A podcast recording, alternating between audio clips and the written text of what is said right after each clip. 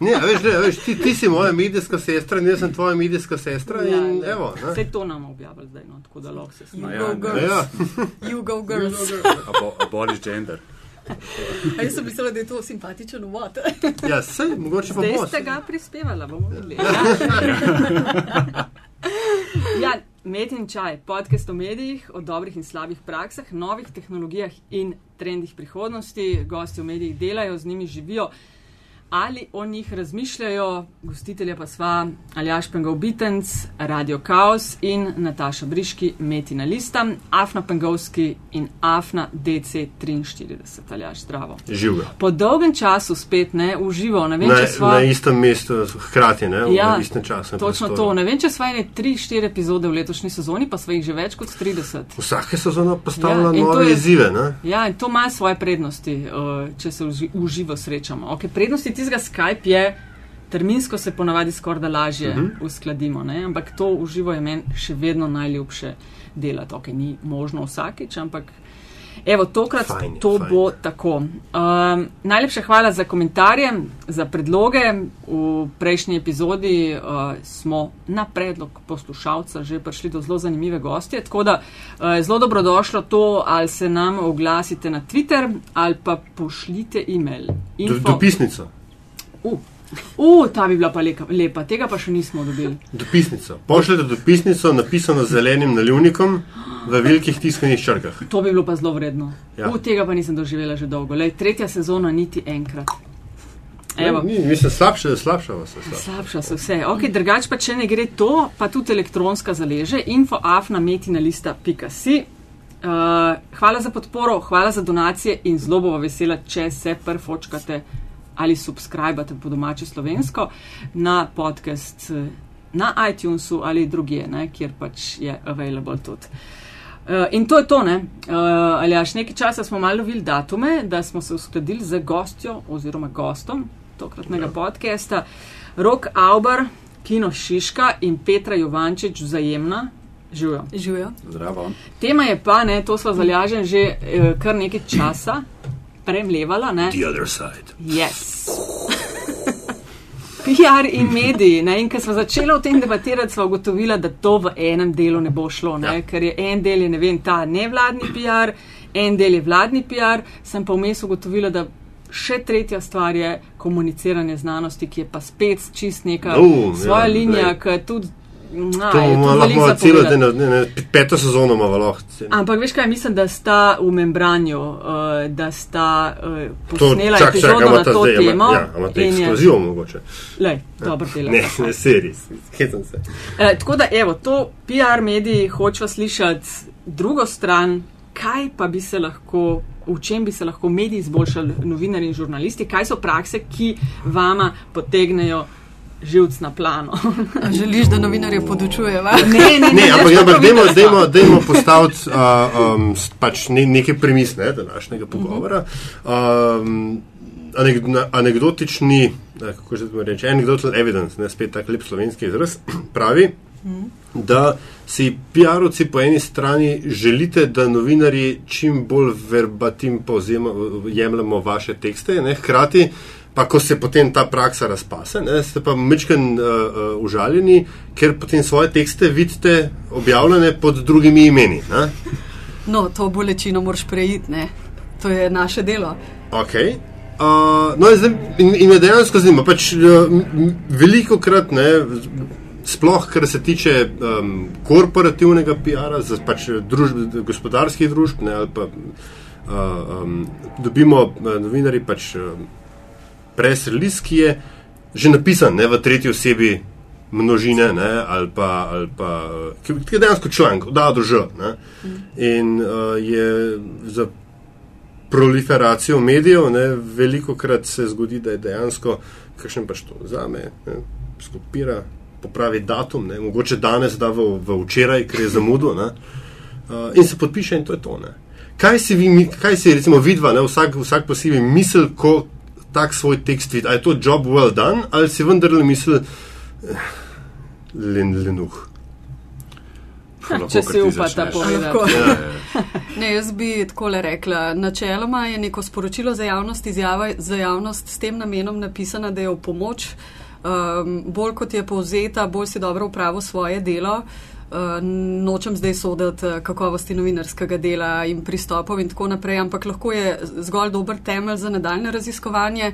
Jaz nimam popolnoma nič proti, če se v celoti citira.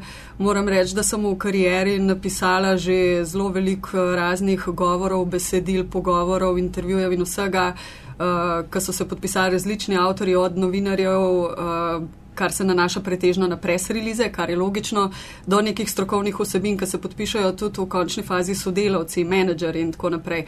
Ampak jaz jemljem to kot del našega posla, zato nas imajo tam, zato nas v končni fazi potrebujejo.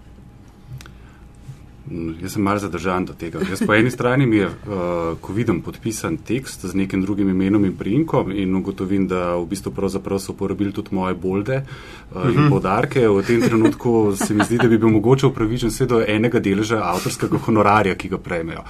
Uh, je pa dejstvo, da pač mislim, da klele bolj izhajam iz tega, da v kakšnih pogojih te ljudje pravzaprav ustvarjajo in da pravzaprav tudi ta hiperprodukcija tekstov, ki jih morajo oni proizvesti na neki dnevni ravni, zaradi tega, da so mogoče zadovoljni uredniki, da so zadovoljni hiše, pravzaprav tudi postavljajo pogoje, v katerih oni to povzemajo.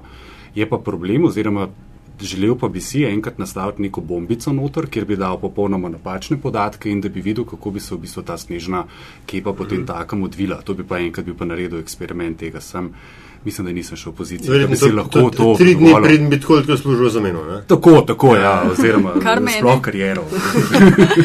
Kar mene fascinira je recimo uh, princip, da slovenska tiskovna agencija STA nekaj objavi in potem vidiš v tiskanih medijih celo iste naslove. To me pa recimo mm, fascinira. Ja, aj, to, to je eden od razlogov, da smo pač na kaosu dosti zgodaj STA to prepovedali. Ker 90% medijev v Sloveniji ima za, za stvari, ki niso glih njihova niša, ima isto osebino od, od, od naslova naprej. Ker se pa tega bombic tiče, ne, pa veš, ta no, no, novinarski ekvivalent tega je pa tam v mestni hiši velikrat smo rekli, kaj pa če bi mi vsi poročali, da so znižali parkirnine. A si pa upal demantirati. Ampak, ja, ja. ampak um, vendarle, ne, pač ta teza o, o, o dihotomiji, o, o odnosu pes mačka med novinarji in, in, in uh, sektori za odnose z javnostjo. Z javn Javnostjo ali javnostmi? Lej. Večna dilema, ja. a se bomo res prerekali. Ali je to isto, kot družbeno, pa družabno omrežje, tudi nekako na tej ravni? Ne. Pa ni, mislim, jaz sem nasploh imam problem s to frazo, v bistvu, da, so, da obstajajo odnose z javnostmi, ker jaz mislim, da zdaj v bistvu pre, pač PR-ovc, če rečemo tako, jaz bi sicer meni bolj všeč izraz poberkovalec, um, da bi imel v bistvu pravzaprav malo logo dober PR-ovc, da razumeva tudi ostale procese, ki niso neposredno vključeni v to uh, samo komuniciranje. Pač ti moraš tudi začeti razmišljati iz stališča vizualne prezentacije, kako se v bistvu zadeva prodaja. Ti v bistvu naenkrat se odpre pol, polja, ki jih poprej, mogoče 50 ali pa 15 let nazaj, to je špet, da ti boljš povedala, mm. ker več izkušenj, niso se tako odpirali in šlo res na raven neposrednega komuniciranja. Tukaj pa si jaz težko predstavljam, da če ne poznam skoraj da Googlovih algoritmov, da lahko pravzaprav razmišljam o PR-ju nekega projekta. Ja, stvari so se definitivno skozi leta razvijale. Včasih je bilo, uh, kar se tiče PR-a, pretežno vezano na odnose z mediji. Jaz sem v okviru stroke pač pristala nekako na ta izraz odnosi z javnostmi, tudi sama recimo svoje delo zelo jasno strukturiram, ali gre za komunikacijo z mediji, ali gre za komunikacijo z varovanci. Mi imamo tudi recimo zelo veliko neke komunikacije med od mnenjskih voditeljev do, ne vem, tudi politike, strokovnih ravni, finančne javnosti. Tako da vedno prilagodim pač sporočila, odvisno za, za koga gre. In z tega vidika pač na ta termin strokovno pristanem, verjamem pa, da je v zvezi s tem velik dilemno. Ja, PR-oc je prevajalec postal, pravzaprav ja, ne prevajalec osebin na različne ravni. No, bi pa to dodala. Ja, dejansko ni PR samo PR eh, komuniciranja z mediji, dejansko je treba poznati vse poslovne procese, eh, spremljati organizacijo na celi ravni in je zadeva bistveno bolj kompleksna lahko. Mm. Če seveda si tak tip da upravljaš tako vrsto PR-a. Okay, preden se pa še globje zapnemo v vse vidike tega dela, pa dajmo za tiste, ki mogoče vaju ne tako zelo, zelo dobro poznajo, kakšen je vajen background, uh, kaj sta vidva v življenju počela, da sta danes tukaj, kjer sta tako mal, kakšen je connection z mediji. Komu ste se zamerali, da ste Ja, postala ti si? Petra, ne, de, ti si tudi kot novinarka delala, nekaj časa sva bili sodelavki na 24 ur, rok zate ne vem, a si tudi kdaj kot novinar, tako klasična oblika Ne, delov. nikoli. Ne, ok, no zdaj pa prosim, če tako, minutka, Ja. ja. eh, kje sta bila, da sta sem prišla. Na kratko, jaz sem začela v novinarstvu, to je bil prvi korak. Uh, navdušena sem bila nad Murphy Brown, če se boste spomnili nadaljevanke in to mi je bilo. Še je bila ena, tudi kjer je bila še tudi Suzana Lovec, meni se zdi. A to, a to se, ja. Meni se zdi, ok, upam, da ne delam krivice. Skratka, to je bilo meni eno tako kul cool novinarstvo. No? In jaz sem šla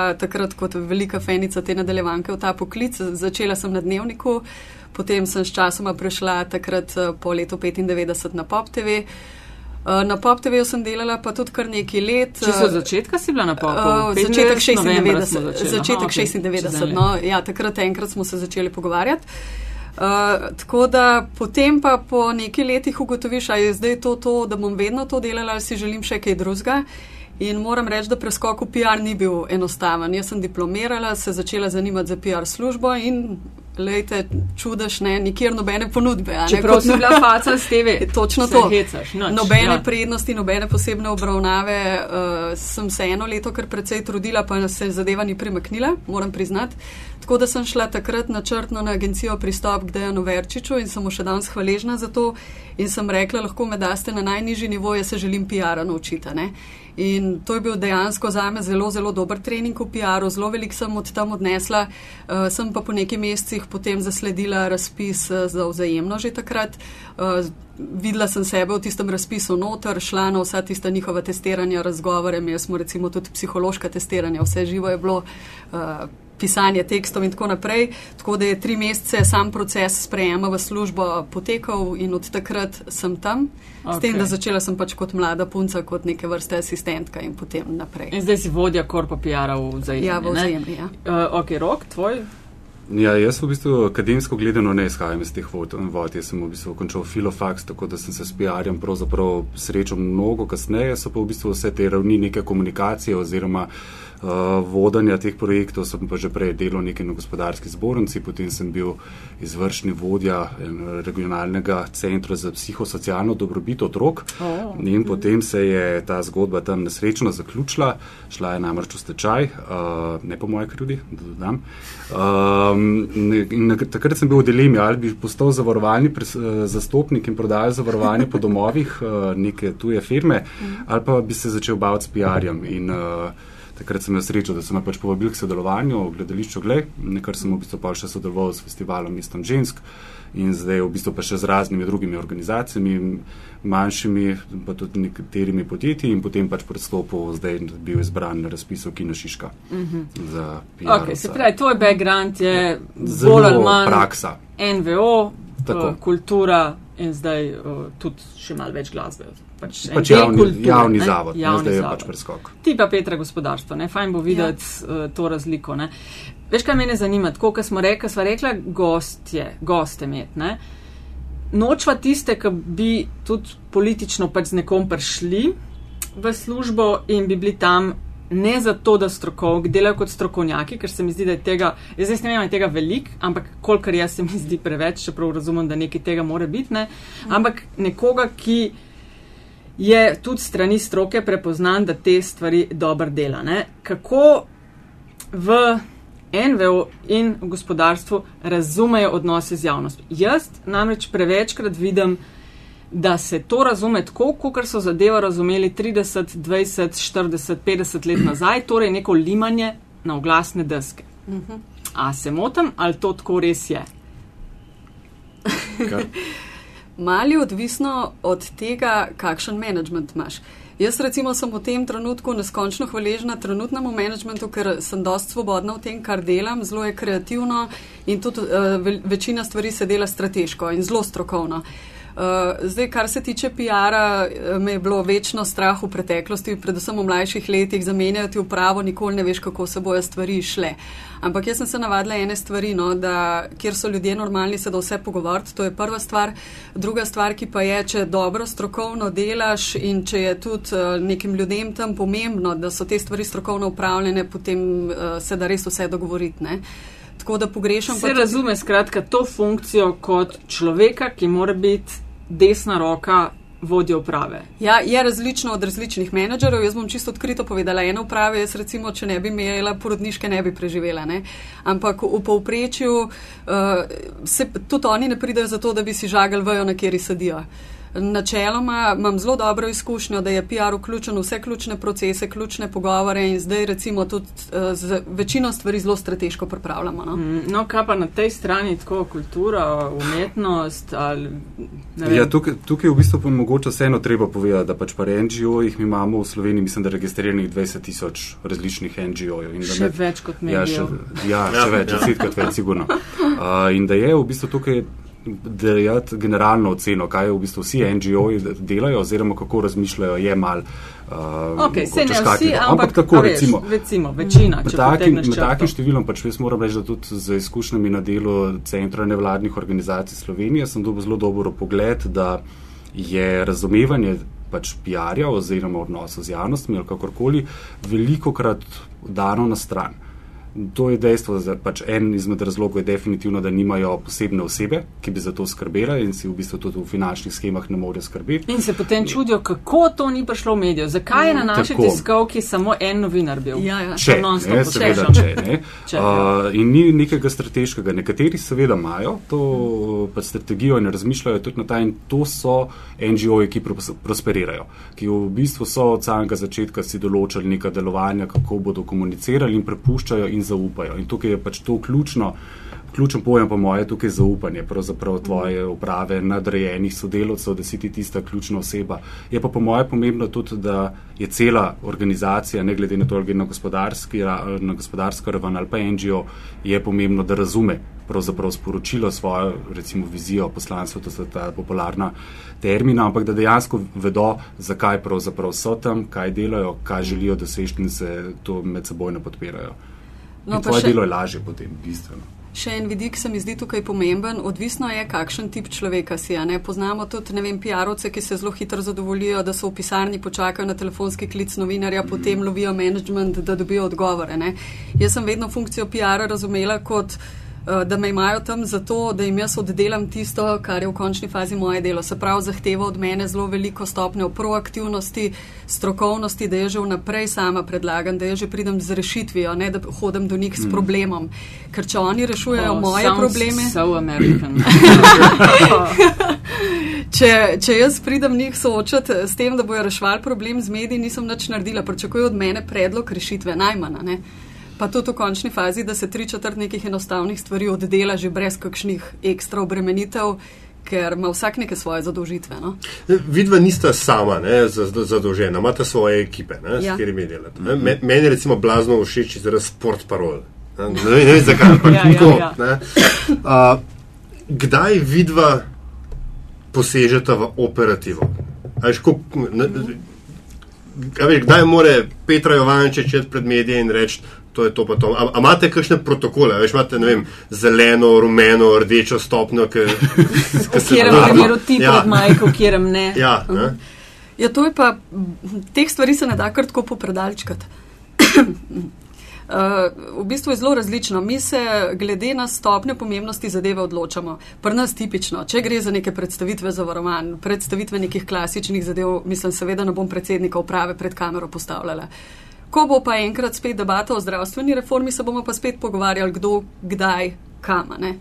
Tako da praviloma je zelo velikrat v teh vlogah zelo pomembnih predsednikov prave, kar se pa tiče ostalih zadev.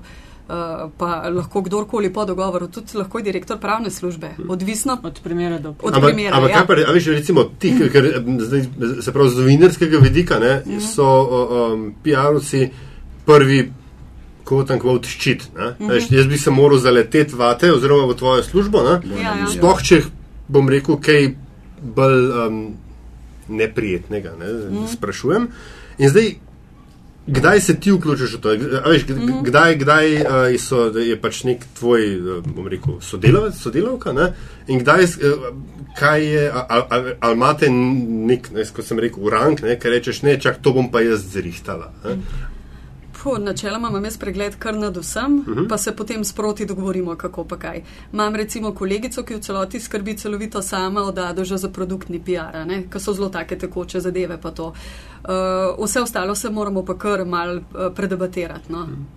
Je pa res, da to so stvari, ki jih je treba urediti dnevno, ne, da si zdaj vzameš en teden časa. Nimaš samo, da muštra boš- pa priročnika za naprej. Ne, tudi nisem pristaš pretirane Ja, ja. birokracije in da se držiš nekih regelcev mm. pretirano, ker so situacije precej različne. Ampak to moraš imeti zelo veliko stopno samozavesti in zaupanja v tim, da si v bistvu dovoliš tak um, sprotno odločanje. Ne? Se je tudi z druge plati zanimivo. Meni tudi po drugi strani management zaupa, da jaz dosti samostojno to mm -hmm. počnem, kar počnem. Ne?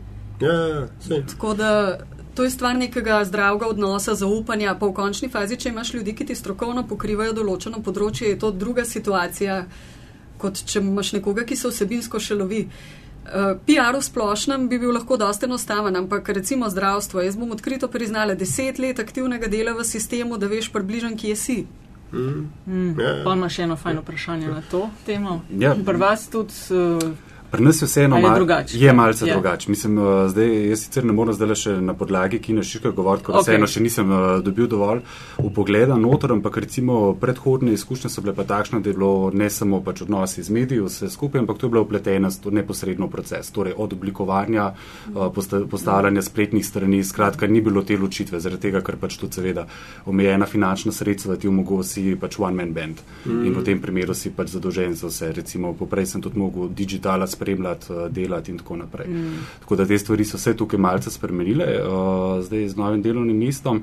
Uh, je pa točno to, kar je omenila Petra, pač to zaupanje ekipe. Takrat, ko imaš tudi v bistvu na tej programski strokovni ravni stvari pokrite in da tu se ti lažje preusmeriš. In, uh, Problem, ki se tukaj pa zelo nastane, zelo rad v Sloveniji, je pa ta majhnost in dosegljivost telefonskih številk. In, z, in pač telefonske številke krožijo naokrog in velikrat se zgodi, da pač PR-ovci ob, dobimo obvestilo iz druge strani, da je bil že upravljen recimo ali intervju ali pa pogovor uh -huh. ali pa kakorkoli, kar je to nas zaobšlo. In zdaj pa če je tukaj na tvoji osebni ravni ali imaš ti probleme s tem, da te ni nihče poklical in nisi bil ti sprejet kot ta prva bojna linija, torej da so se pravila igre do te mere spremenila, ali pa pač enostavno sprejmeš in veš, da je to Slovenija in štirje koraki do vsake Ja, telefonske lahko povem eno skrivnost v tem primeru, se Ej. ne vem, ampak me predsednik pogleda pa prav, ta pa ta novinarka me kliče, da ti rajš preveri, zakaj gre. ja, Ampak ja, ampak- to je naloga. Ampak, Mislim, ja, to je, se mi zdi pravilna zadeva. Sej, da bi bil zdaj vsak klic kar napadalen, pa slab, ne, ne, ampak da nekako se mal ve, kako pa kaj. No? Mm. Kino Šiška je tak, nač, mislim, načeloma ne bi bil tak feel good plac, ne? ker se imam. Smo vsi radi, gremo muziko poslušati. Ne samo načeloma. ne. Ja, ne, ampak, je. a veš, To je. ampak, pod, ampak hkrati ne, pa pač zadnji pa cel kup enega, en, enega, enega drugega dela. Ne? In, in včasih se tudi kaj, mislim, kakšne bolj kontroverzne stvari zgodijo. Ne? Od tiste, uh, uh, se pa ne vem, a je obvelala ali ne, žepnina je, je, je. participacija. Kulturni evro, Ne? ja. Tako, ne? Pa, uh, pa še ene, no, kukorkoli. Hočem, hočem samo reči, ne, da je um, ta mehkost prostora ne, m- m- se še toliko bolj zmanjša, potem, ko, mi, ko, ko, ko se ukvarjamo s podmnožico novinarjev, ki pokrivajo glasbo oziroma popularno glasbo, ne, ali pa z novinarji, ki pokrivajo zdravstvo oziroma zavarovalništvo. Ne, um, Kako zelo sta Zdaj, zdaj se navezujem na en članek o, o Obaminem spin doktorju, ki je pred kakšne dvema tednoma bil v New York Timesu, ko je pač Je zunanje politični svetovalec Tako, tako, Ben Rhodes. tako, tako. Ja. No, je, hvala, sem hotel poiskati. Skratka, ko je pač model povedal, ne, enostavno je priznal, da pač ja, oni imajo novinarje, s katerimi se dosti bolj razumejo kot z ostalimi. In potem, če je kakšna frka, oni vnaprej spinajo ene stvari in rečejo, gledajte, to pa to bo zdaj vam prišlo, mi mislimo, da je treba na stvar tako pa tako gledati. Ne. Ne bom sprašval o imenih, ampak imate kakšne take kontakte in če jih, oziroma a, a se razumete s konkretnimi osebami, ki je v zuni dober, v, v, mislim, v novinarskih krogih, in ali sta v, iz, v skušnjavi, kdaj kaj ta zgan narediti. Come on. Lej, Ja, ja. we need it, we need it on the record. Ja, ja, ja. A uporabim uh, PR-ovski odgovor, ki ga vedno odsvetujem. No comment. Ne, pa se sigurno, mislim, se, se nenavadno bi bilo, če, se ne, če ne bi z nekaterimi bolj sodeloval kot z ostalimi. To, mi, to jaz mislim, da pač v osnovi, to je naravno, to je neka naravna zavezništva že sk- sklenaš. Ne, ne, to, to se, ta del se mi zdi normalen. Ampak, g- pride, a, verjetno prideš v situacijo, ki rečeš, mater, zdaj bi mi pa prav pasal, če bi mi on mal pomagal. Ne? Kaj pa, a, veš, in, in zdaj, Pomago, zdaj, to, to je lahko zelo močna beseda. Ja. Ja. Jaz ne bi s temi velikimi besedami okay. tako uh, razmetaval No, naokrog. ja. Gre pa uh, recimo za dobro namerno konzultacijo. Okay. Ne, z- z- Seveda. Ne, dobro, Ja. Seveda je dobro namerno. Do, ne. dobro namerna, uh, z, z recipročnimi posledicami za obe strani. Uh, Super si to povedal, Lepo, bravo. lepo. Moj se mogo s PR-jem ukvarjati. uh, ne, stvar je sigurno v tem, da so neke osebine, mogoče se jaz zase vem, da sem pa, pa ne v zvezdi nošiško, da sem veliko stvari predhodno preveril, kako bi se. Uh, Play, play in public, kako Ja, ja, bi enostavno bile sprejete v javnosti uh -huh. in na kakšen način lahko, lahko pričakujemo odzive različnih medijev ali pa recimo obiskovalcev ali kakorkoli. In to so neke informacije, ki jih v bistvu jaz bolj uporabljam pri strateškem razmisleku, ker vedno se postavlja pri sprejemanju odločitev, zauzamemo neko našo prvotno izhodišče in kot homo sapiens vse prevečkrat dela predvidevamo. In zaradi tega je treba pač ta testing narediti v javnosti in potem videti sploh kam nas pele. Da bi pa iskal na kakršen koli način, tega tudi recimo osebno ne podpiram, da bi kot PR-ovec vplival na novinarja, oh. oziroma ne, re, z- dejansko imam res zadržke, da bi uredniško politiko ali pa novinarja uh, na kakršen koli način želel pripeljati na svojo stran. In to recimo sem zelo ponosen, da smo bili verjetno v Gleju, ko sem deloval edino gledališče, ki smo javno objavljali tudi slabe kritike. Ne glede na to, da se nismo, da se nismo zaprli v ta kokon samo hvalospevom, ampak smo rekli, bodimo transparentni tudi stvari, ki ne štimajo. Idemo izpostaviti ven. In to se mi zdi, da je en ključ v bistvu mm. dobrega komuniciranja, pravzaprav tudi to, da si pripravljen sprejeti svoje napake, mogoče jih pa tudi obrniti sebi v prid. Jaz bi jaz se vse strinjam, samo še to mogoče dodala. Vsak medij ima tudi do neke mere svojo uredniško polici, politiko, so tudi novinarji, ki imajo takšna in drugačna stališča, tudi prepričanja, mm. pristope. Kar se meni zdi pa recimo fajn je, da imam z nekaterimi tudi to stopnjo zaupanja, da če je kakšna zoprna stvar, jo nalašču naprej predebatiram, zato da tudi vem, da mogoče pa jaz ne gledam najbolj prav na zadevo in bom dobila še en drug pogled. To se mi zdi v bistvu precej koristno, pa predvsem je nekaj, če imaš ti spoštljiv odnos z novinarjem ali urednikom uh, in če profesionalno upravljaš tudi svoje PR delo, ti ne boš od njega pričakoval, da bo v vsakem primeru o tebi slavospeve pisal ali pa delal zate, daleč od tega. Gre v bistvu za proces neke izmenjave informacij, mo mogoče tudi kaj prepričevanja, ne? ampak jaz tudi recimo v okviru uh, podjetja zagovarjam to, da mene zanima recimo v zdravstvenem zavarovanju kakovosten zdravstveni sistem. To mi je prva stvar. Potem sledi vse ostalo. In to so tudi nekako vsi sprejeli. in- Okay, ampak kaj je Ja. kakovostno zate, ni nujno, da bo še kdo drug imel po, povsem enako mnenje. Ne? Ja, kot bolniki bomo imeli hitro enako mnenje. a ne? Kar se pa tiče organizacije, pa verjamem, da bo pa tisoč dilem. Zakaj odsvetuješ no, odziv no comment? Ker se da vedno odgovoriti na nek način na vsako vprašanje. Enostavno. Vedno najdeš neko pot. Pa tudi v končni fazi, kako pa to zgleda, ne? da greš mimo novinarjev pa rečeš tam tisto cekani no comment. Vedno je nek način, verjamem, da so včasih situacije težke, ampak vse se da kaj pripraviti naprej. Omenila si to gradnjo, oba dva v bistvu odnosa z novinarji.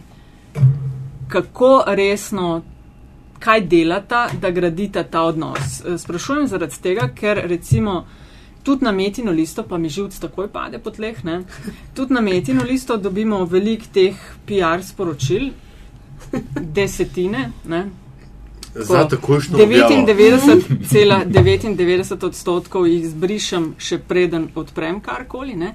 Ampak hočem tole reči, ne, da resno je jemljem nekoga, ki z nami vzpostavlja odnos, s katerim smo že sodelovali, s katerim smo, ne vem, uh, vemo en za drugega, kaj dela, kot nekdo, ki ne ve nič o strani, potem pa ima nek dogodek ali kar, ej, a bi vi, mi ne bi. Ne? Kako gradita uh, kaj delata? A hodita na uh, kave z novinarji, a je to moderno, ali telefonsko sta pogosto, veš? Ker tudi recimo vprašanje Adrem je eno takšno. Mm -hmm. Tri četrt PR sporočil, ki jih dobim, nima veze s tem, kar jaz delam. Ne? No, jaz temu strokovno uh, moram reči, da prav malo nasprotujem. No? Ker uh, za moje področje je zelo jasno, kater novinar pokriva moje teme. Praviloma se da vse te zadeve že vnaprej pripraviti, malo načrtovati. Zdaj, kar se tiče odnosov z nekaterimi, se malo več vidiš, malo več slišiš, uh, zelo različno. No? Uh, zdaj, da bi to rabo neko redno dinamiko kavic, tudi ne. ne Nimate če... kakšna jutranja kava uprave z novinari, kar občasno so v določenih organizacijah, ne vem, dvakrat na leto, ali kaj tacga z urednikom. To zorganiziramo ali... kot kakšen dogodek na vsake toliko časa, ampak seveda predpogoj je, da imaš kakšno osebino, ne zdaj, da bomo samo mal vedrili pa debatirali, kako je. Pa kakšen rogliček ja. pojedel, ne? Ne, vedno glede na pač aktualno osebino, da imaš nekaj za ponuditi. Uh, ni pa uh, stvar tega, da bi pa rabo vsak teden z nekom na kavi sedeti. Okay. Pomembno je, da veš, ko pripravljaš sporočilo ali komunikacijo, da veš približno, na koga bi ga nas, naslovil. Jaz si tudi slučajno ne predstavljam, zakaj bi eno sporočilo poslala na 150-200 naslovov. Ja, pa pa pride, pa pa rečeš, to slišim, ne, u, smo poslali na 200 naslovov, ne, ja, ne, ne rabiš 200, rabiš jih 8, ker več kot 8 teh ne bo objavljen. Ja. Ja, sem to lepo poročilo, ne. Ja, sej se je, šteje se pa v lepo klubco, pa v aktivnosti, ja. V polju evalvacije pa to vem, super vem, zgleda, ne, 4500 prejemnikov e-sporočila, ja, ne, ja. to je odlično. A novinari, ki vajna, pač uh, vsako od vajnih področji pokrivajo, in spet bom postavil vprašanje, na katerega je prvi odgovor da, ne. Ampak gre ta okay. globoko vdahniti in razmisliti. Ali svoje delo upravljajo dobro. Recimo, da so profesionalci, ampak ker imamo, koliko imamo dobre in slabe zdravnike, imamo tudi dobre in slabe novinarje. No. Kakšni, se, kakšni se zbirajo v vsakem od vajnih tehle? To je spet ta homo sapiens moment predvidevanja, ne? da dobro upravljajo delo. Uh, ja, mislim, jaz osebno imam zelo dobre, dobre izkušnje, imam tudi zelo veliko slabih, predvsem pri prevzemanju tekstov, kjer bi bil potreben nek dodaten pogled oziroma razumevanje tematik. Uh, jaz mislim, da pa imamo. Pa to, to mogoče res pogrešam in se mi zdi, da je tudi naša krivda na nek način, da ne govorimo o zelo dobrih praksah novinarjev in da v bistvu govorimo tukaj o množici ljudi, ki zelo dobro poznajo področja, ki zelo dobro upravljajo svoje, svoje delo, ampak enostavno ne dobijo prostora znotraj medijskih hiš. In ki potem naokrog hodijo in v bistvu ponujajo svoje vsebine različnim medijem in upajo, da bodo objavili, kljub temu, da je tam notor vsebina, kar je veliko krat ni, veliko krat je zelo ali nesko. Ker se sploh, kar se elektronskih medijev tiče, ne, pa stvari, kot jih, kot jih organizira Kino Šiška, se veliko krat to, bom rekel, sroza na to, da je, pač, da je organizator oziroma prostor, ker to, da, da, da v bistvu nepomemben ne, in se potem da, objavi, recimo na, na kaosu, mm -hmm. veliko krat dobimo že um, predposneti intervju, ne, ker potem jaz kao na, nasnamem svoje vprašanja, odgovori so pa že noter. Glej, z vidika ja, ene založbe je to nekako logično, da hoče na ta način čim več eh, jih doseči, sploh zaradi te atomizacije medijskega prostora. Ne? Ampak posmo spet na, veš, to je na radijskem ekvivalentu STA, -ja. vsi imajo iste odgovore, ne? vsi imajo pa isto vsebino, ne? ampak delamo... To je en tak H&M, veš, kako si je tako, ne? Veš, ja, ja, ampak de, da, veš, delamo pa sam to in posledično, posledično se pa veliko zgodi, da se za pop kulturo, ne, ukvarjajo začetniki. Uh -huh. Sploh spet na, na, na, na radijskem delu, ne? ko vendarle bi rabo nekoga, ki zna pisati, pozna trende uh, in ve, kam pač, kaj je in, kot se reče, zunaj, ne? ker Slovenija vendarle od šest mesecev do tri leta zamikava pred, pred teh stvarih. Ja, to pa je krivda, bom rekel, PR-ovca, da je enostavno ne znal ceniti, kdo je tisti novinar oziroma naslovnik, ko bo znal to informacijo v bistvu na podlagi zbranega nabora nekih skupka informacij in dobrih podatkov mhm. posredovati oziroma predrugačati to zgodbo. Če ti veš, da imaš na drugi strani nekoga, ki razume in ve, točno tudi, kdo je naslovnik njegovih sporočil, v tem primeru ne, nalet, ne naletiš na ta problem. Mm. Če pa pošiljaš na okrog na 200 naslovov ista vprašanja, Ja, absolutno. Mislim, ti se oblikuješ v končni fazi tudi to sprevrženo sliko. Ne, pa še nekaj je, ne, če ti želiš dejansko s tem kaj doseči. Je to težko telefon dvigati, poprašati, to rabiš, kaj bi ti koristil. Mm -hmm. Mislim, se, se uh, dan današnji se morajo zadeve tudi mal prilagoditi posameznemu mediju, če si uh, strokovno v tem delu. Ja, ni več one size fits all. Točno to, tudi to, uh, da bi na 200 naslovov eno sporočilo pošiljal, pa da bojo kar vsi mediji vsi isto objavili. Ja, Sej niso vsi mediji isti. Mislim, je pa tako, no, če lahko ja, ja, tvojo... se, sem jih hotel vprašati, mm. sam, sam da dam to mm. dihotomijo. Ne? Ko mi je, recimo, veš, ko zdaj, ko bo koncert Elisa Cooper, pa karkoli ti ja. garantiram, da je v Sloveniji vsaj 2000 novinarjev, ki pokriva pop kulturo in si bojo hoteli akreditacijo. Ja. to so te tvoje sladke ja, stvari. Tako, tako, ne. Tako. Veš, ampak se mi zdi, da novinarji, ki pokrivajo pa zdravstvo, pa sploh to kombinacijo, ki je zajemna, dela bi jih pa lahko preštel na prste obeh rok. Ja, tleman pa jaz moram reči uh, in dobre in slabe izkušnje. Uh, pa ne maram a priori uh, kritizirati medijev, tudi veliko krat vprašam marsikoga, ki kritizira medije, če je prepričan, da svoje delo tako zelo vrhunsko upravlja, da bo druge sodel, ker o medijih vsi radi zelo veliko govorimo. No? Jaz moram reči, da sem zelo, zelo hvaležna za par kakovostnih urednikov, za par kakovostnih novinarjev. Uh, Uh, dobim tudi kakšnega mladega 20 plus letnika, ki me pokliče vas prepričano svoj prav, pa ima potem lahko tudi dve ure lekcijo, ne, kaj je zdravstveni sistem in tako naprej. Kar pa izrazito cenim je pa uh, to, uh, pred časom me je kontaktirala kolegica, ki smo pred leti skupaj delali in je rekla, padla sem v zdravstvo, moram narediti, uh, zdaj bom pokrivala to področje. Žal mi je, ničesar ne vem o tem, se lahko usedava, da mi razložiš vsaj, kje so akteri, koliko je denarja, kaj se dogaja. Uh, kakšne spremembe vi zagovarjate in tako naprej. Se pravi, uh, je šla na par koncev vprašati, da si je dobila celo sliko, preden se problematike lotila. Uh, se obstajajo še vedno ljudje, ki se strokovno zelo poglobijo v tem. No, to sem tudi, to si dobro uh, rekel, vse mlajši so. A je to opazno, ker v tem članku od Benarovca, ki uh -huh. si mhm. ga omenjal, je tudi ta stavek, da ima opravka, ker zunanja politika je težka tema. Ja. Zdravstvo je mhm. težka mm -hmm. tema. Težka tema ja. Pri 25 o tem nimaš ne veš, pojma. Ne veš dovolj. To moraš deset let garat, da ja. te ne pelje vsak, ki pride mimo, da ne rečem kaj, ne? da te ne mhm. zmanipulira v treh sekundah. Jaz imam občutek, da so če dalje mlajši, a je to tako, ti si dolg cajt zdaj že v PR-u, oba dva tudi, no, So opravki pa dobro, ta scena rok, ki jo ti pokrivaš, vse so po defaultu tudi, recimo, mogoče mal mlajši ali pa se motim, ne vem. Ampak zdravstvo pa točno zaradi te zahtevnosti teme. Uh mhm. -huh. A je to se spremenil v zadnjih letih, da so če dalje mlajši? A veš, kaj teh ljudi, ki bi imeli danes, ne vem, 40, 45 ali 50 in 20 let, 30 dela, se mi zdi, da jih spoveč ni. Ja, je, uh, vedno več je mlajših novinarjev. Tudi pristope imajo zelo različne, ne, ne moramo vseh vrsti kot. Sorry, ko upadam, en najljubših. Toliko masla imate na glavi, kdaj boste odstopili, star pa 25 let. ja, vse zgodi, ne.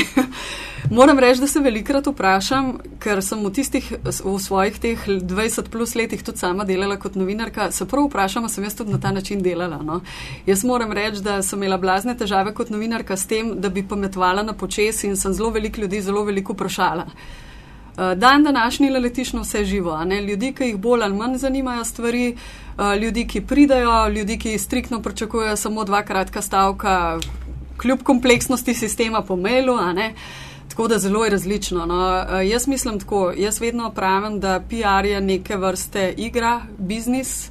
Uh, Soč se z vsakim posameznim akterjem in z njegovim pristopom in probi zadevo na nek način rešiti, da bo pokrita tako, kot se tebi zdi prav. Včasih ni časa, Viš, to je ena zanimiva zgodba, ki po mojem smo obe ujeli na Facebooku od tvoje kolegice, ki je eh, šefica PR-a na Elesu, ne, ja. Katja eh, Krasko Štebljaj, eh, je napisala, ne, novinarskih pregod kar nekaj, ampak današnja pa zmaga, ne, novinar je glede na materijale, ki sem mu jih dala, citiram, da se pripravi na obsežnejši intervju, kar sam zapisal vprašanja in odgovore. Na tri vprašanja, na katera ni znal čisto dobro odgovoriti, pa je prosil, če lahko uredim odgovore strokovnjaka po e-pošti, da pa na dogovorjeni termin intervjuja ne bi prišel. Se dogaja, je novinarstvo če dalje več komuniciranje po elektronski pošti in obratno, ker veš tudi novinari imamo ali pa imajo išel, poslušam da se sploh ne da več nobenega do, dobiti v živo, da vsebi zdaj sam po elektronski pošti pošlje vprašanja, zdaj pa ti odgovore provajdaš in copy-paste. Jaz moram reči, da upravljam vsaj en telefonski klic. Če dobim samo po mailu vprašanje, običajno najprej pokličem, preden pošljem odgovore. Zato, da malo razložim, v katero smer bo šlo, kdaj približno lahko to pričakuje, uh, kaj približno je še v zvezi s tem relevantno. To je ena zadeva. Kar se tiče intervjujev, pa nimam izkušnje, da bi mi kdo po mailu uh, to želel rešiti. Običajno, ker pridem, pridajo tja in še celo to se nam dogaja, da govorimo potem uro, dve in da je treba zadevo face posekati potem za objavo, ker vemo, da je tega potem preveč. Ja, ja. Tako da. Nimam slabe izkušnje. No? Je, tako, po, po mailu pošljete vprašanja, da več ni, se, ni časa ali ni denarja, da bi človek prišel na lico mesta, zato ker medtem, ko ti sestavljaš odgovore, on že nekaj drugega dela, ker pač mora na dan naklepati pet zgodb ali pa deset. Ja, veliko je teh vprašanj, ampak v bistvu je to, to, to od polja odvisno. Pač bom rekel, vse v tem. V, delokrogu, kjer se zdaj nahajam, je večinoma zanimanja za, mislim, je zanimanje za intervjuje večinoma za tujimi, recimo glasbenimi, mm -hmm. z drugimi izvajalci in tukaj je v bistvu pravzaprav standard, da se to vrstno uh, vsebino oziroma vprašanje posreduje naprej, ker je v končni fazi tudi meni v interesu, zaradi tega, ker bo članek objavljen nekaj dni pred koncertom, ker prispeva k prodaji vstopnic. Mm -hmm. Tako da pravzaprav meni to ustreza, ampak bi pa šel mogoče sem korak nazaj na vprašanje, v bistvu, koliko so mlajši novinari. -hmm da m, mm, pravzaprav se terenski, teri, ne, ja. terenski. No, zdaj mislim, se polje kulture je pravzaprav doživelo na neki točki precejšen pogreb, kar se tiče medijskih predstavnikov. Če se spomnimo zdaj odpuščanja, zadnje odpuščanja na delu, kjer so šle recimo zelo relevantne poročevalke oziroma kritične komentatorke kulturnih vsebin, je nastal zelo velik vakum. In uh, jaz sem zelo vesel, in tukaj, pač, tukaj pa ravno pristop mlajših novinarjev, ki pa pravzaprav razi, razmišljajo o tem, ravno podcasti raz, ali pa različne platforme, kulturne, ki so se začeli pa organsko razvijati in v bistvu se zavedajo tega, da svojega prostora, da ne želijo biti del kričečih. Um, maslincev, recimo, da je tako imenovano. Maslincev, kot koliko masla imate na glavi. da, Lepa, da, hvala ti. Da ne želijo biti del te srednje, ampak da bi želeli v bistvu pravzaprav narediti nekaj svojega in da grejo korak naprej. In to se mi zdi pravzaprav ta preskok, da v bistvu mlade generacije nekih medijskih mm. dejstvovalcev pa dejansko želijo in v, v, pač prepoznajo potencial 2016, še zmeriti maslince všeč. No, pri nas je prepoznajo ja, potencijal in grejo korak. ne, niti ne. No. ne, pri nas grejo recimo samo po mailu striktno take neke rutinske, klasične, dnevne, neproblematične ja. zadeve. Hotela sem samo to dodati, da če ti odpreš vrata, da lahko pridejo do predsednika, se mrskomu celo fino zdi, no, da lahko pride direktno na pogovor. Tako da, če imaš to politiko, potem. Uh, z veseljem pridajo, no, nimam težav, da bi mm. vse želeli po mailu urejati. Mm. No, meni se zdi smešno, oziroma ena izmed ključnih stvari, ki se mi pa zdi mogoče tudi velikat problem pri teh intervjujih, ki jih spremljam, uh, so pa to, da je zelo velik uh, poslušanja, ne pa slišanja. Mm -hmm. Da se zelo, da ne navadno je, da se v 2016 vse uporabi besedo komunikacija in v bistvu dogovarjanje za intervjuje, da mm -hmm. neposredno komuniciranje in ko daš priložnost, da ne glede na to, če mu daš priložnost, da se ljudje pogovarjajo in da se slišijo drug drugega, so v bistvu samo enostranska komunikacija, že vnaprej napravljena vprašanja, zdaj pa gremo samo tam in pričakujemo točno isto in nisprotnega prilagajanja. Ja, oziroma, to, pa, veš, to pa je minus kilometrina. Recimo, ja, jaz, jaz pri sebi vidim, jaz sem silom prilike začel muzičare intervjuvati pred vem, 20 leti ne, in na začetku sem jo pač to, točno to. Kdo, je, kdo je napisal tekste, aha, kdo je naredil aranžma, fino, ne, kakšen udeležbo pričakuje na koncertu. Pač, Check the boxes, ne? pa pa s časom se začneš, začneš improvizirati, ne, in ki se počutiš uh, bolj samozavestnega. Jona sem imel pred leti eno, eno zelo dober um, v bistvu, uh, provokacijo na to temo, ki je ga je una novinarka kanala nekje na Metelkovi snela, bom prav Kako se počutiš, pa neč ne slišim, ne vprašaj me, kako se počutim. Veš, pa še vedno je objavila. Jonas ima še eno drugo dobro zgodbo, ki so želeli z njim intervju, pa da ga kar sam napiše, kaj je na diktafon. Ja, ja, ja. ja. Kaj je na diktafon posnel, pa je rekel, ne ti kar pravi. Ja, ja ampak Le, ta praksa se je orenk razpadla. Ja, ja, ja, odkar, je, odkar je princ financam poslal intervju sam s sabo, veš, ta, ja, to je to, ja, to. Ja, ja, za enkrat zmaga. Yes, yes.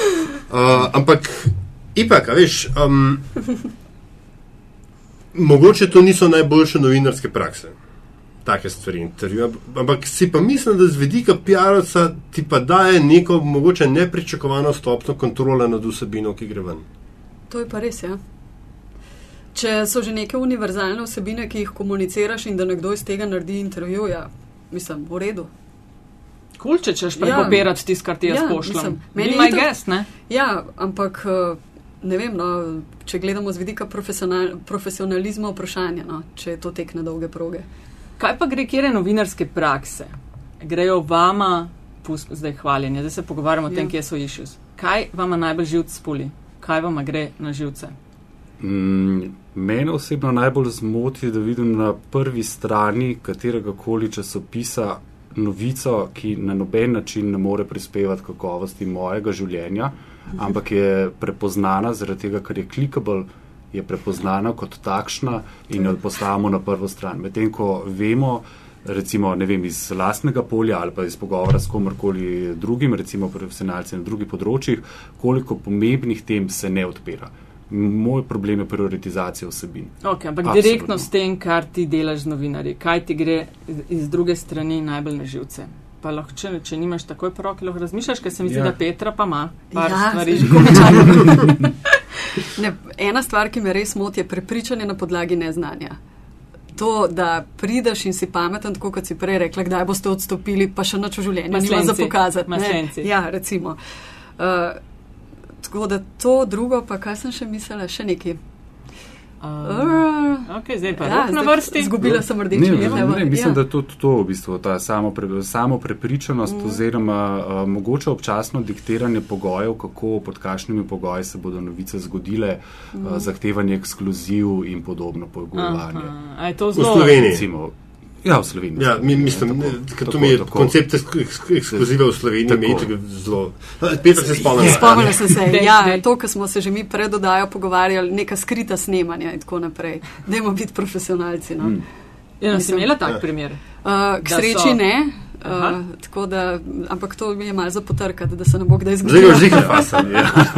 Vse ste videli, kaj se je zgodilo ministrci ne, na UKC-ju, tako da in potem se to rola. On, Ja, on, itak, on, ja. ja. Kaj, pa, kaj pa ta? Ne? Um, fa, neka fama obstaja, da če v vabilo na tiskovko ne, napišeš, da pač bodo um, prigrizki ne, in da bo udeležba večja, kot če pač tega ne napišeš.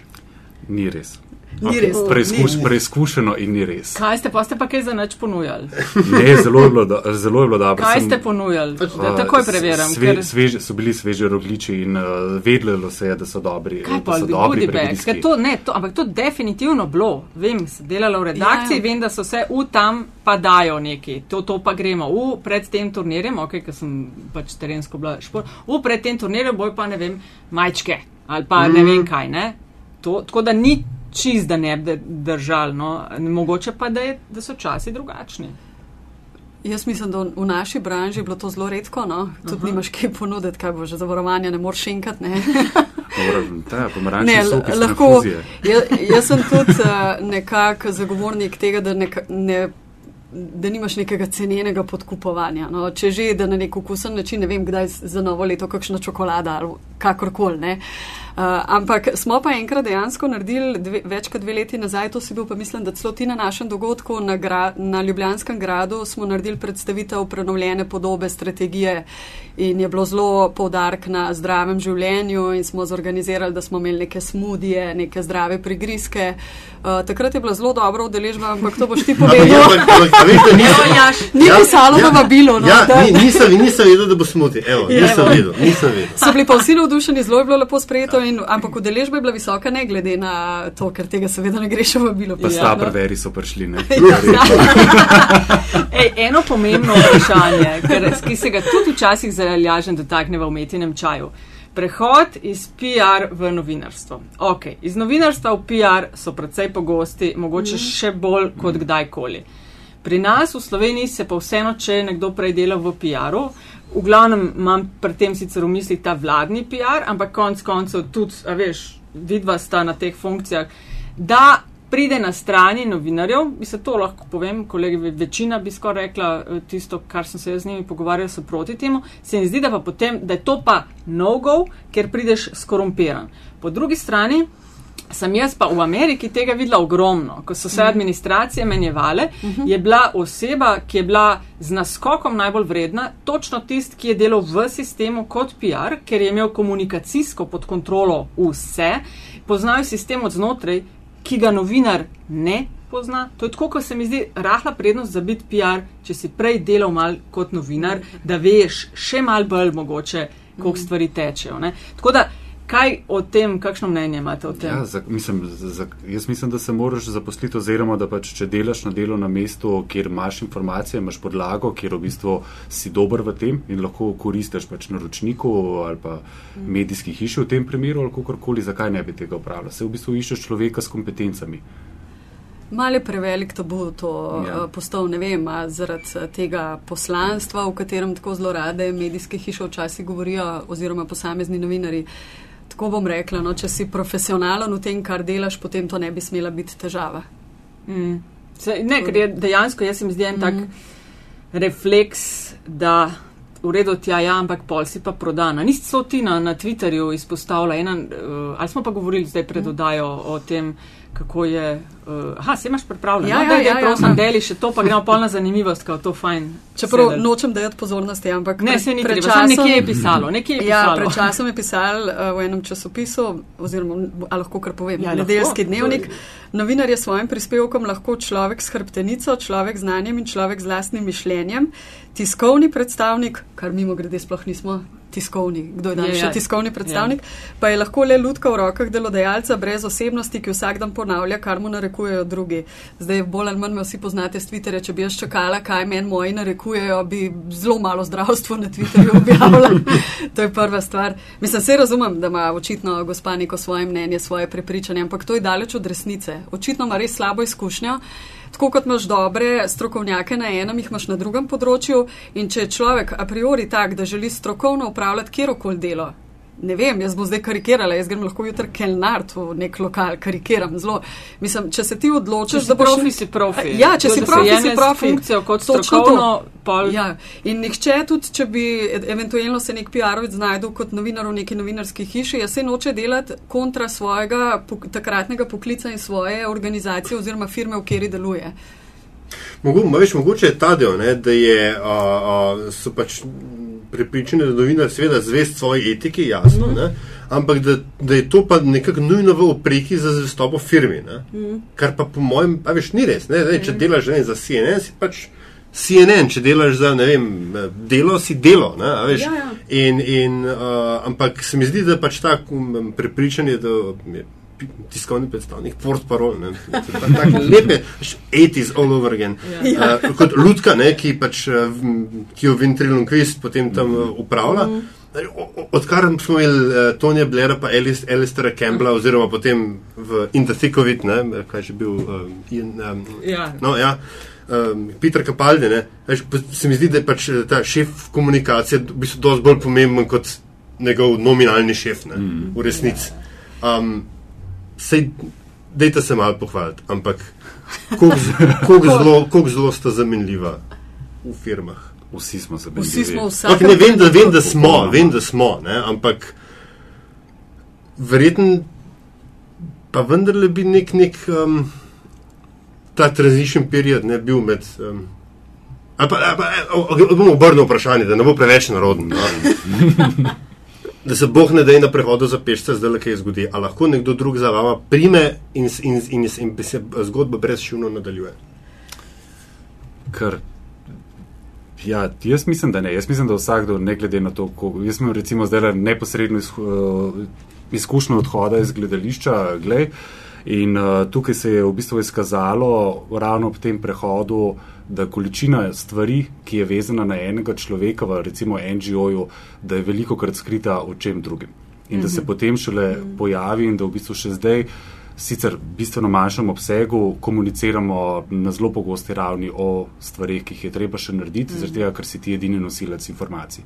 In ja, lahko se seveda prekine, se protokoli nekako so vzpostavljeni, kaj naj bi bilo zajemale tvoje dnevne pač tvoje, tvoje delo, ampak istočasno to je tako vezano. To je tako, kot mislim, da tudi ena vajnih prejšnjih gost rekla, da pač novinarji vse, kar imajo ime, tudi PR-ovci v bistvu vse, kar imajo ime in to veliko krat se zgodi, da ko PR-ovac zamenja delovno mesto, v bistvu odnese s seboj tudi vso to navezanost mm, na se in da to se veliko krat zgodi, da je potem taka tista hiša, kljub temu, da ima dober program, ne dobi več te pozornosti, zaradi tega, ker je bilo to vezano na oseben odnos PR-ovca z novinarji. Mm, Jaz imam tukaj mogoče mačkam bolj uh, radikalno stališče in prepričana sem, da nihče ni nenadomestljiv. Mogoče bi bilo nek kratek čas, neko mal bolj turbulentno Tako. obdobje, ampak stvari se uredijo. Je pa drugač to recimo v okviru podjetja, kjer jaz delam, kjer vsaj še nekdo pozna procese, mogoče jih ne v sto procentih, mm -hmm. ampak prej slej se pride do tega. Tako da uh, jaz sem tudi na razne načine v preteklosti ugotovila, uh, da zelo hitro lahko pride kakšen bypass v to firmo, kakšen svetovalec. Tako da Jaz to jemljem. Misliš, da si nezamenljiv, ja, vidiš, da se da tudi brez se tudi tebe. Da, Ampak da, ja, ok. Tudi v končni fazi, tudi meni spomenika ne bo noben tam postavil, da sem samo jaz to lahko tako profesionalno naredila, da nihče drug ne bi. Ne. Sigurno bi se pač v doglednem času se stvari rešijo. Veliko razočaranje mladih upokojencev, ne, ko mislijo, da, bo, da bo firma propadla potem, ko bodo šli oni v pokoj. Ne. Ja. Evo in smo pri zanimivosti. Mislim kot redna poslušalca in poslušalka metinega čaja, veste, da na koncu zalažem vprašava po zanimivosti. Eh, kaj bosta eh, delila z nami?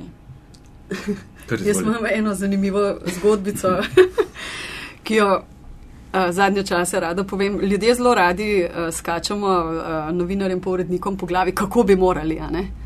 No, jaz sem enkrat že, fu, že še z dekliškim priimkom, že precej let nazaj, uh, skakala po glavi takratnemu uredniku financ Goranu Novkoviču. In uh, seveda me je imel v eni točki poln kufr in je napisal cel članek Petra Cotman bi rada urejala finance. Mene je bilo to zelo dobra šola, da s tem takoj preneham. Zgorano smo šla pa tudi, sem si prav rekla, uh, zdaj pa pač pojej, kar si si skuhala, sem ga povabila na kosilo, sva se na tistem kosilu super imela in se še danes super razumela. Okay. Ampak enostavno mi je bila lušna šola. Ne, poiščeva ali. Ja, ja, finance vse hranijo. Narod naš dokaj zahranijo.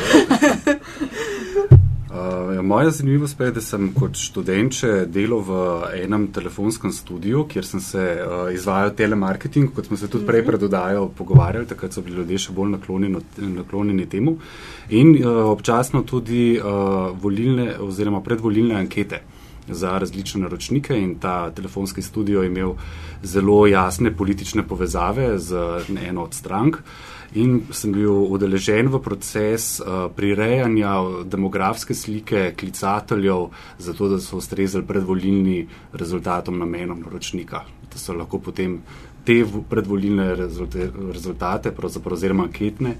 Če hočeš reči, ti, ki si klical, bil tam, da bi klical druge, so pol pač še tebe.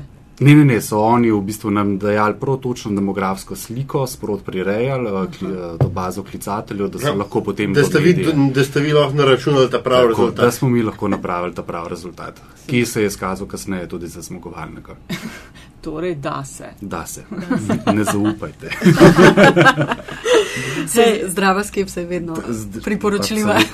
Kaj sva? Ja, wow. okay. Ej, hvala lepa obema, da smo se uskladili, da ste delili z nami to, kar sta si nabrala izkušenj in znanja v vseh teh letih. In uh, kaj še rečemo? Še kaj zaključimo? Zaključek? Hvala za povabilo. Ja. Ja. Hvala, ker ste si vzeli čas. Ja. Uh, mi pa se kaj vidimo in slišimo, slišimo beremo. Ja, evo, čez en teden. Naročimo. Ja. Ja.